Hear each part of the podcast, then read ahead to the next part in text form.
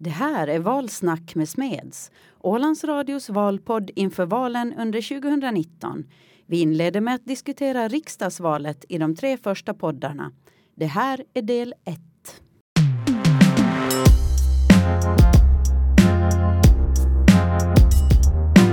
Jag tror nog att man bryr sig den här gången lite mer än vanligt. För att jag skulle säga allmänt taget så är det här riksdagsvalet ett av de viktigaste och intressantaste på långa, långa tider.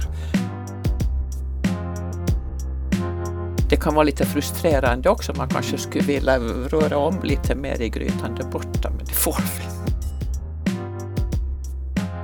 Nå, ärligt talat så får jag lite det känslan av att man nu man ställer upp för att man känner att man borde ställa upp. Nå, först röstar ju alla snällt på Julius Sundblom.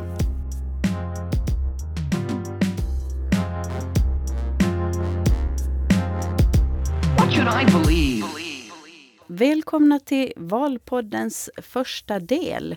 Med mig har jag två valveteraner, eh, Göran Djupsund och Harriet Tuominen.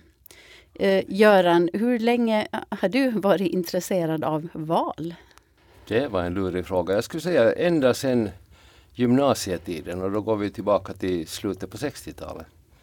Sen började jag studera i Åbo 71, började jobba 73 och sen dess har jag nu aktivt följt med val och inte bara i Finland utan också nation- internationellt men framförallt de nordiska valen och europeiska valen. Kommer du ihåg första gången du fick rösta i ett riksdagsval? Nix, det gör jag inte. Harriet Tuominen, du har jobbat som journalist i många, många år och varit politisk reporter. Har, har val intresserat dig Alltså under det, dessa år? det är ju det roligaste faktiskt. Alltså det är, jo, det intresserar dels vilka som ställer upp, varför de ställer upp, hur det går sen, varför det har gått så, vilka som slås ut. Alltså det, och siffror. Jag Mm. älskar siffror. Ävenledes, siffror är min passion. Ja, eh, minns du det, först, ditt första val? Jo, var Vilket det. val var det? Det var riksdagsvalet och jag bodde ju då i Sjunde, och, alltså var skriven i Sjunde, det var Nyland. Så jag röstade på en tandläkare från Lojo. Kommer inte ihåg vad karln heter, jag vet inte hur det gick. Ja, men det minns Men, men rösta gjorde jag. Ja, jag minns mitt första val. Då, om jag minns rätt så var det elektorsval. Jag tror jag röstade på Gunnar Jansson för att han skulle rösta på Mauno Koivisto till president.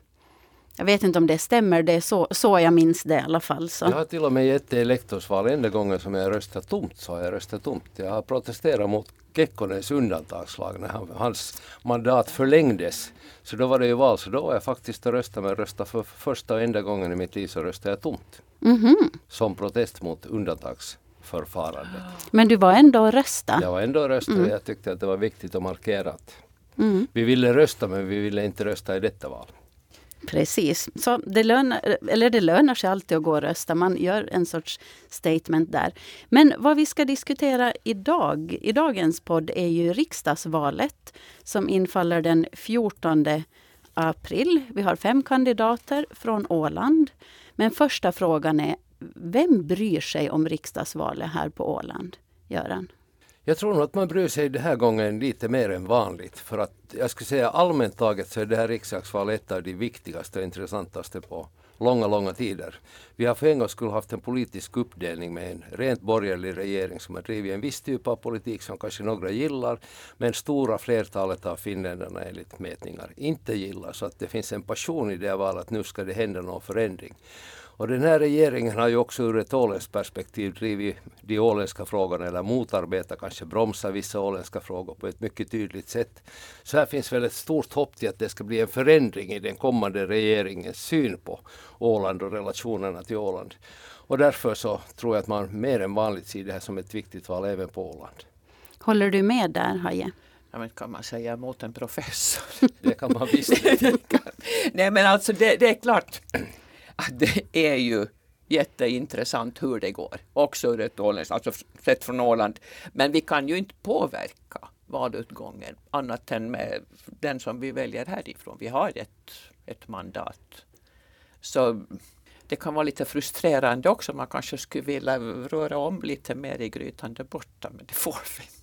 Mm. Alltså man kan väl säga att, att valet är jätteintressant nationellt Ja. och dess betydelse för Åland. Men i det snävaste perspektivet så är ju valet av Ålands riksdagsledamot inte så där riktigt brännande spännande den här gången. Vi har en kandidat som ställer upp som har suttit och som, som folk i gemen är nöjda med. Så att det är väl lite mera ett rutinartat val eller vad vi nu ska kalla det här på Åland. What should I believe? Eh, om vi ser på, på valdeltagande här nu. Jag har tagit lite siffror från Åsubs hemsida. Då ser man att där har de från 1987 till 2015. Och eh, 2003 var, det, var vi över eh, 60 procent i valdeltagande. Då var det 60,3. Eh, sen var faktiskt senaste valet med 57,9 procent var det näst högsta då sedan 1987. Eh, tror ni att vi kommer upp i de siffrorna det här valet? Haje. Mm, jo, det, för jag har också tittat på valstatistik. Och de senaste 50 åren har valdeltagande i riksdagsval legat mellan 50 och 60 procent. Alltså det var en gång strax över 60. Men där har det legat oberoende av hur lite eller mycket spännande det har varit. Så det, jag tror nog, jag menar jag, vi tror väl att vi vet hur det går. Men rösta ska vi ju.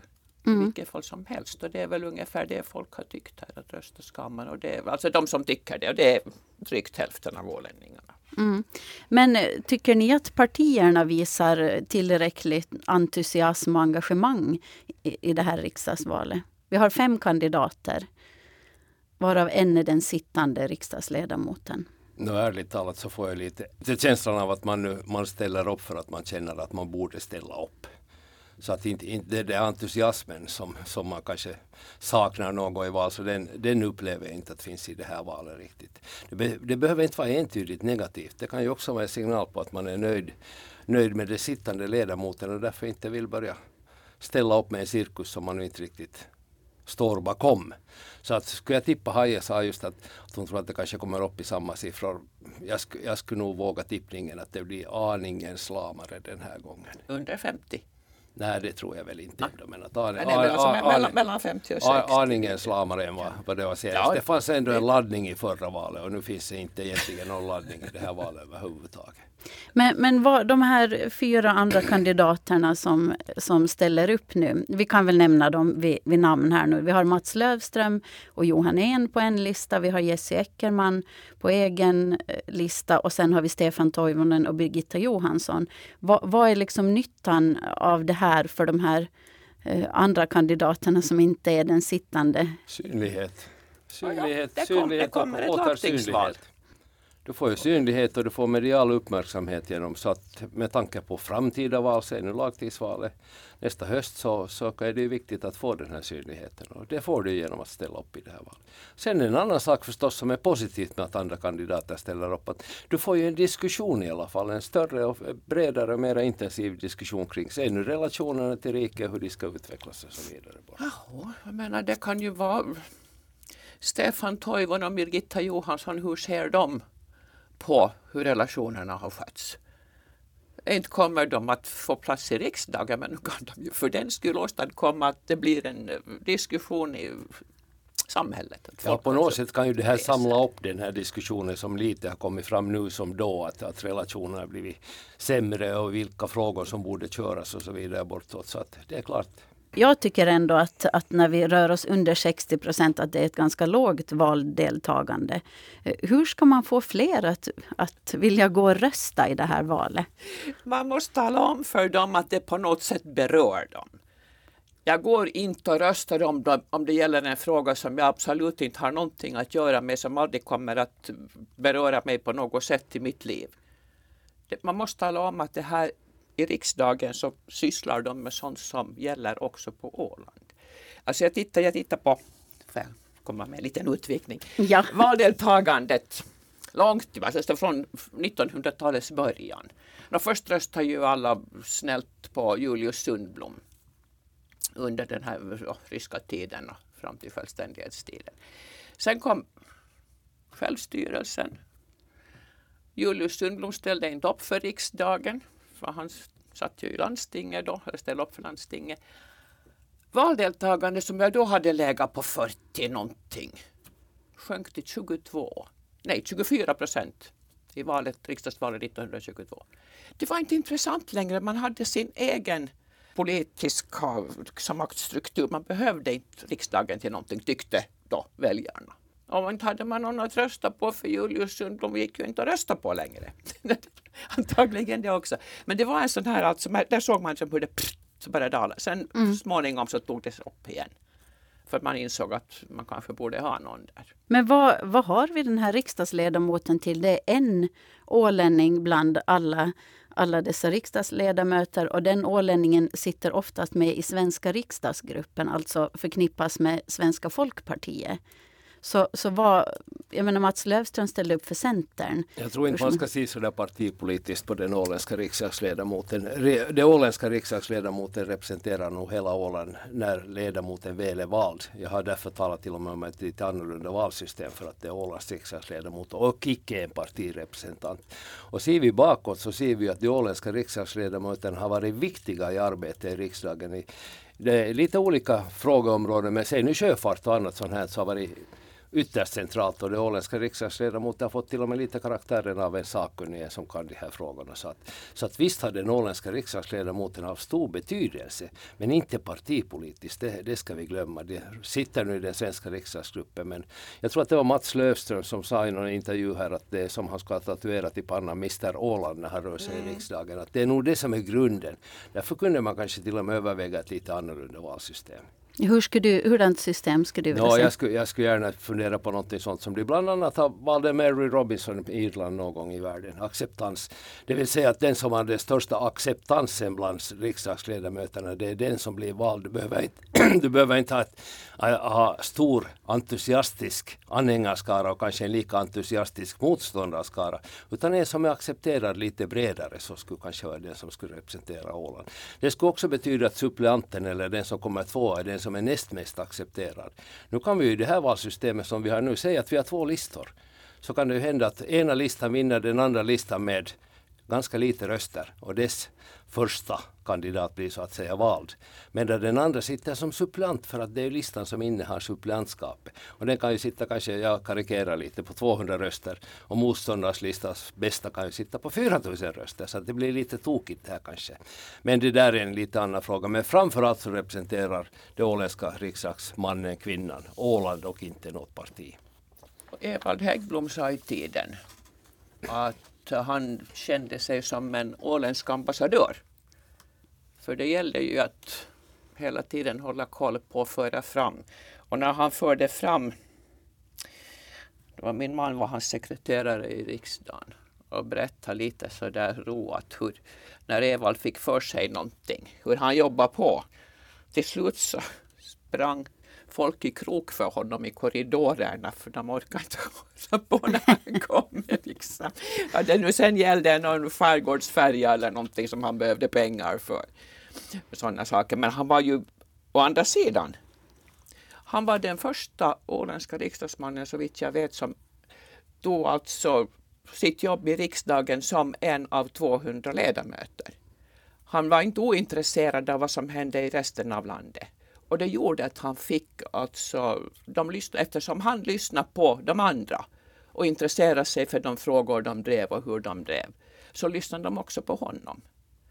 Och det där var nytt från åländsk sida då. Jag menar även om Evald Hägglom inte kunde någon finska så hade han inga problem att komma överens med folk och diskutera det. Han var rätt fantastisk på det. Jag tror att där har nog Löfström lite samma upplägg. Mm. Mm.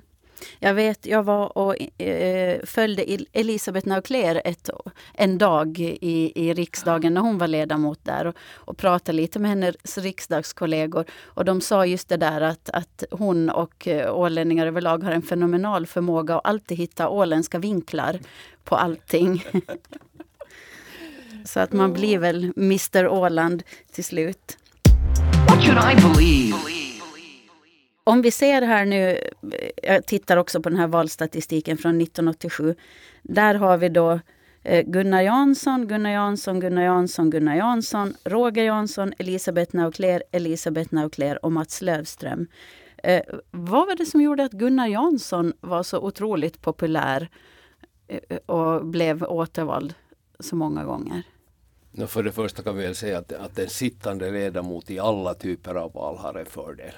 Det, visar den internationella forskningen att, att är du sittande så har du en liten, liten fördel när du går in i valet. Sen är det ju en annan femma om du har skött det eller inte skött det. Har du skött det så att folk är nöjda så har du en ännu större fördel. Då är det svårt för en utmanare att, att få ut en sittande ledamot. Och jag antar att han, han hade arbetat på ett sådant sätt så att man i stort sett var, var ganska nöjd med hur han hade jobbat. Då är det svårt att försöka utmana en sån kandidat.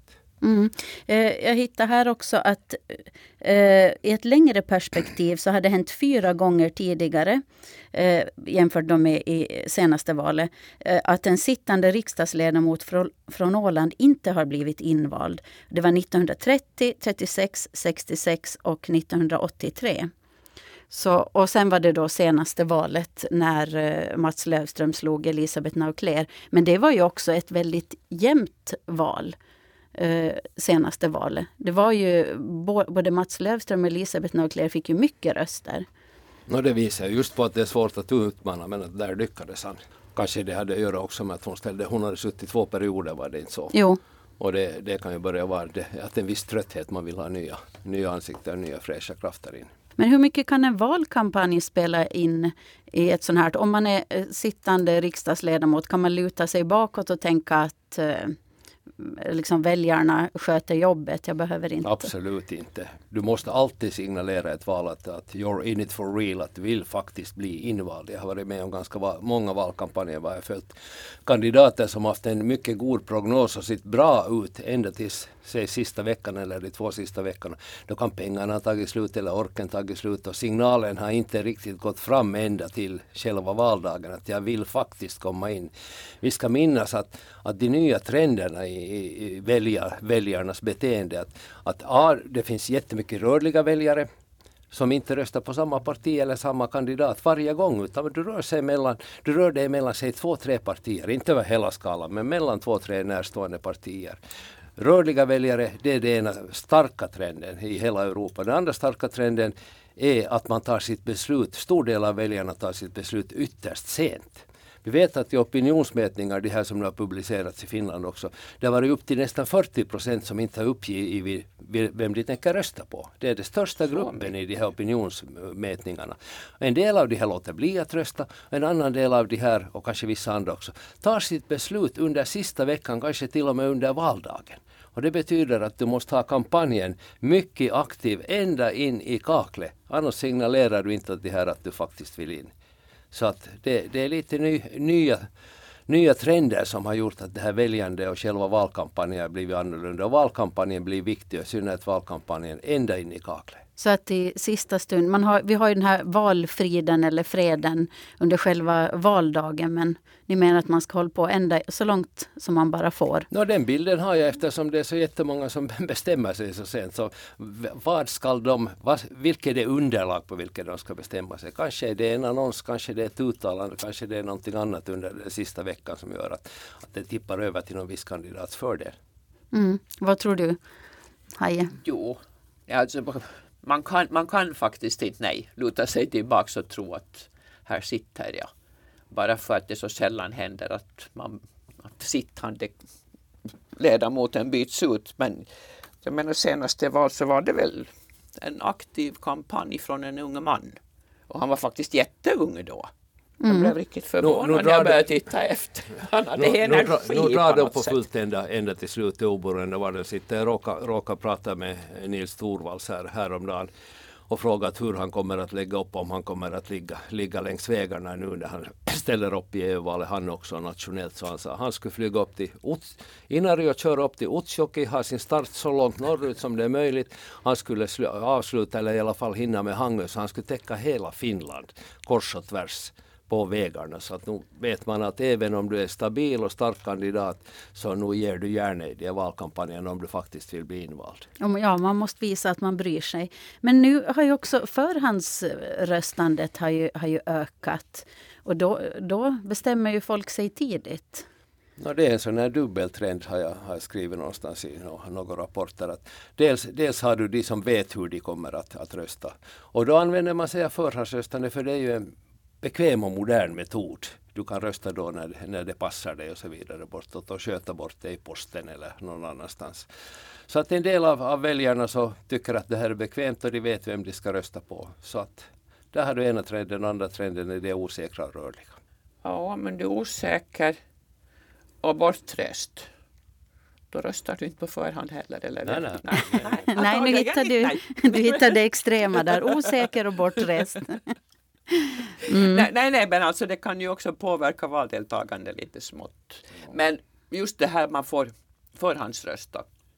Nu Valdel, ju, Valdeltagande handlar ju nu till sist och syvende om folk upplever att det A är en viktig fråga och upplever att det kan vara ganska tajt så att deras röst så att säga kan ha någon betydelse. För att nu ta ett mycket rykande aktuellt exempel så hade du på på fastlandet Korsholm kommun och Vasa kommun har länge planerat en fusion. Deras tyngsta politiker har jobbat fram ett fusionsavtal och så vidare bortåt. Nu i söndags hade man folkomröstning, en rådgivande folkomröstning i Korsholm huruvida man skulle ställa sig positivt eller negativt till fusionen med Vasa. Du hade ett valdeltagande på dryga 76 procent.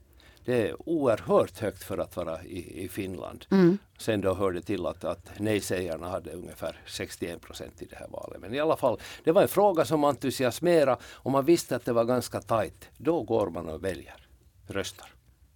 och så röstar man nej, liksom man gör här när det gäller Ja, kommunsammanslagningar. det, ja, det är en annan femma. Jag ville All, bara Alltid emot förändring. Ja, jag ville peka framförallt på det här att vissa val Ja. som känns viktiga så kan nog väcka väljarna. Mm. Vilka tror ni att blir de viktiga frågorna i det här valet? Då? Kommer det att bli en debatt? Här på Åland. Ja, här på Åland. Alltså det är som sagt, valet är fruktansvärt viktigt nationellt men det åländska valet, visst är det viktigt men att Ja, men möjligen då att man kommer att diskutera hur man ska förhålla sig till riksmyndigheterna när det har gått lite galet den här senaste perioden. Alltså hur, vilka, vilken strategin ska vara för att, jag menar, ska man kräva självständighet eller ska man bara liksom låta dem hålla på och inte säga någonting eller någonting däremellan? Mm. Jag, det, jag tror att en sån diskussion Den, den, tematiken, den tematiken tror jag också att blir, blir aktuellt. Men där har du ju sen då det utgångsläget är beroende på hur det kommer att gå i det fastländska valet. Mm. Jag menar du borde egentligen diskutera två olika strategier beroende på vilken typ av regering du har. Att får du, skulle Samlingspartiet bli största parti, vilket inte är omöjligt, nå, så bildar de en regering och högst sannolikt så är det tillsammans med åtminstone med Centern för det är alldeles tydlig opinion inom Samlingspartiet. Sen är jag personligen mycket rädd för att det finns en fraktion inom Samlingspartiet som tycker att, att Sannfinländarna är nu inte så helt omöjliga. Och för att få en tillräcklig regeringsbas så i värsta fall, worst case, så tar de med nu Sannfinländarna i det där. Det är då en regering som du ska förhålla dig till här på Åland enligt en viss strategi. Men skulle Socialdemokraterna bli störst, ja då är det mest sannolikt att de samarbetar också med Centern. Centern är den som tydligen alla vill ha med här. Och det blir kanske med, säg nu SFP och Gröna och någon, någon ytterligare. Det är en annan typ av regering som du troligen har en annan typ av strategi till. Så att det är lite lurigt det här med att diskutera strategi i förhållande till. Men det är en tematik som ändå kommer upp och jag tycker den bör komma upp och får gärna komma upp i det här riksdagsvalet på Åland. Men spelar det någon roll då här på Åland då, om vi väljer in en sosse eller moderat eller center? Liksom, om man ser på hur regeringen blir sen i Helsingfors. Det skulle jag säga att det har ingen betydelse. Då går vi tillbaka till det här som Harriet och jag sa tidigare att, att det handlar om att det är Ålands representant, inte en partipolitiskt bunden. Det kan möjligen hända att någon har bättre kontakter åt ett håll och en annan lite bättre åt ett annat. Men de måste ju ha kontakter över hela fältet i vilket fall som helst. Mm.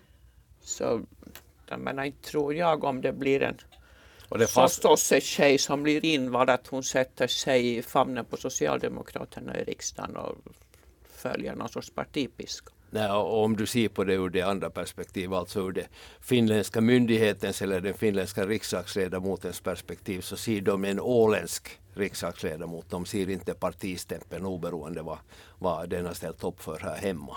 Men kan den åländska riksdagsledamoten välja att inte vara med i, i svenska riksdagsgruppen? Självfallet. Så att det, det är bara Men av det, det tradition. blir jobbigt. Språkmässigt framför allt. För i svenska riksdagsgruppen, om jag nu har förstått det rätt, så talar man svenska och man får handlingarna på svenska. Man ser till att det finns handlingar på svenska. Om du sitter i någon annan partigrupp så tror jag inte att servicen på svenska är speciellt stor. Att läsa papper på finska kan vara lite jobbigt för de kommer i stora högar och liten text. Mm. Ja, nu läser man väl på skärmen nu för tiden. Men. Ja, sen Men skulle ju ha en jädras uppförsbacke rent politiskt måste vi ju minnas. Att, jag menar SFPs grupp är väl den som nu generellt och historiskt varit mest positivt inställd till åländska frågor och åländska perspektiv på olika saker. Jag menar, sätt dig nu, om jag ska exemplifiera i Sannfinländarnas eller, eller i Samlingspartiets riksdagsgrupp som har varit mycket njugga i förhållande till Åland. Så det är inte bara språket utan du skulle ju ha liksom världens uppförsbacke i allting. Mm. Men det är ändå inte så automatiskt att ålänningen hamnar, hamnar Nej, med nej, det, SFP. det är ett val som man gör. Mm. Hörni, tack så hemskt mycket för att ni kom. Vi får med spänning se fram emot hur, hur riksdagsvalet utfaller i hela landet och vad det innebär för Åland. Tack så mycket för det här. Who's right? What's right? What should I believe? I've listened to everybody on TV and radio, but I'm still confused.